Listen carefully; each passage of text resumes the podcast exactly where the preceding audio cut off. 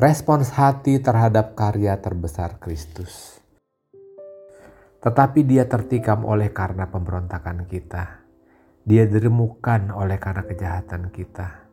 Ganjaran yang mendatangkan keselamatan bagi kita ditimpakan kepadanya dan oleh bilur-bilurnya kita menjadi sembuh.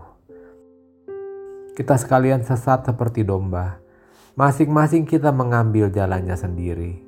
Tetapi Tuhan telah menimpakan kepadanya kejahatan kita sekalian. Dia dianiaya, tetapi dia membiarkan diri ditindas dan tidak membuka mulutnya seperti anak domba yang dibawa ke pembantaian. Seperti induk domba yang keluh di depan orang-orang yang menggunting bulunya. Ia tidak membuka mulutnya Sesudah penahanan dan penghukuman dia terambil, dan tentang nasibnya siapakah yang memikirkannya? Sungguh dia terputus dari negeri orang-orang hidup, dan karena pemberontakan umatku, ia kena tulah. Orang menempatkan kuburnya di antara orang-orang fasik, dan dalam matinya ia ada di antara penjahat-penjahat, sekalipun ia tidak berbuat kekerasan dan tipu tidak ada dalam mulutnya tetapi Tuhan berkehendak meremukkan dia dengan kesakitan. Apabila ia menyerahkan dirinya sebagai korban penebus salah, ia akan melihat keturunannya umurnya akan lanjut dan kehendak Tuhan akan terlaksana olehnya. Sesudah kesusahan jiwanya, ia akan melihat terang dan menjadi puas. Dan hambaku itu sebagai orang yang benar akan membenarkan banyak orang oleh hikmatnya dan kejahatan mereka dia pikul. Saudara-saudaraku yang kekasih, di minggu Paskah ini mari kita membaca dan merenungkan kembali karya terbesar dari Tuhan Yesus di kayu salib untuk menebus dosa kita semua. Menebus saudara dan saya dari hukuman yang seharusnya kita tanggung karena dosa-dosa kita. Tidak ada satupun dari kita yang benar tidak ada satu manusia pun sejak zaman Adam sampai sekarang yang benar di mata Allah dan tidak pernah berbuat dosa.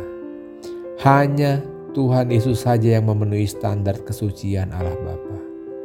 Karena semua tidak ada yang benar, Bapa mengutus anaknya yang suci dan layak di hadapan Bapa untuk datang bagi kita semua. Menjadi manusia untuk menjadi korban agung penebus dosa semua umat manusia. Nabi Yesaya sekitar 700 tahun sebelum kedatangan Kristus sebagai manusia menyampaikan nubuat tentang Tuhan Yesus. Khususnya apa yang akan dialami Tuhan Yesus di kayu salib ketika dia menyerahkan dirinya sebagai korban penebus salah. Kitalah orang yang berdosa, tetapi Tuhan Yesus yang tidak pernah berbuat dosa yang dihukum. Kitalah yang seharusnya menerima hukuman, tetapi Tuhan Yesus datang menggantikan kita. Di kayu salib Tuhan Yesus menanggung segala dosa-dosa kita. Bahkan lebih lagi, dia menanggung sakit penyakit kita dan juga kelemahan kita. Mengapa Tuhan melakukan pengorbanan yang sangat berat itu bagi kita? Karena Yesus dan Bapa sangat mengasihi kita. Tuhan telah memilih kita untuk menjadi umatnya anak-anaknya bukan karena kita baik atau punya kelebihan dari orang lain, bukan. Tuhan memilih kita dan mengasihi kita karena Dia berkehendak untuk memilih dan mengasihi kita. Jadi, walaupun kita memang hina dan tidak layak di hadapan Tuhan, anugerah dan kasihnya datang mencari kita. Betapa berharganya pilihan Allah dalam hidup kita semua. Karena itu, saudaraku yang kekasih, Mari kita menghargai pilihan dan kasih Allah bagi kita.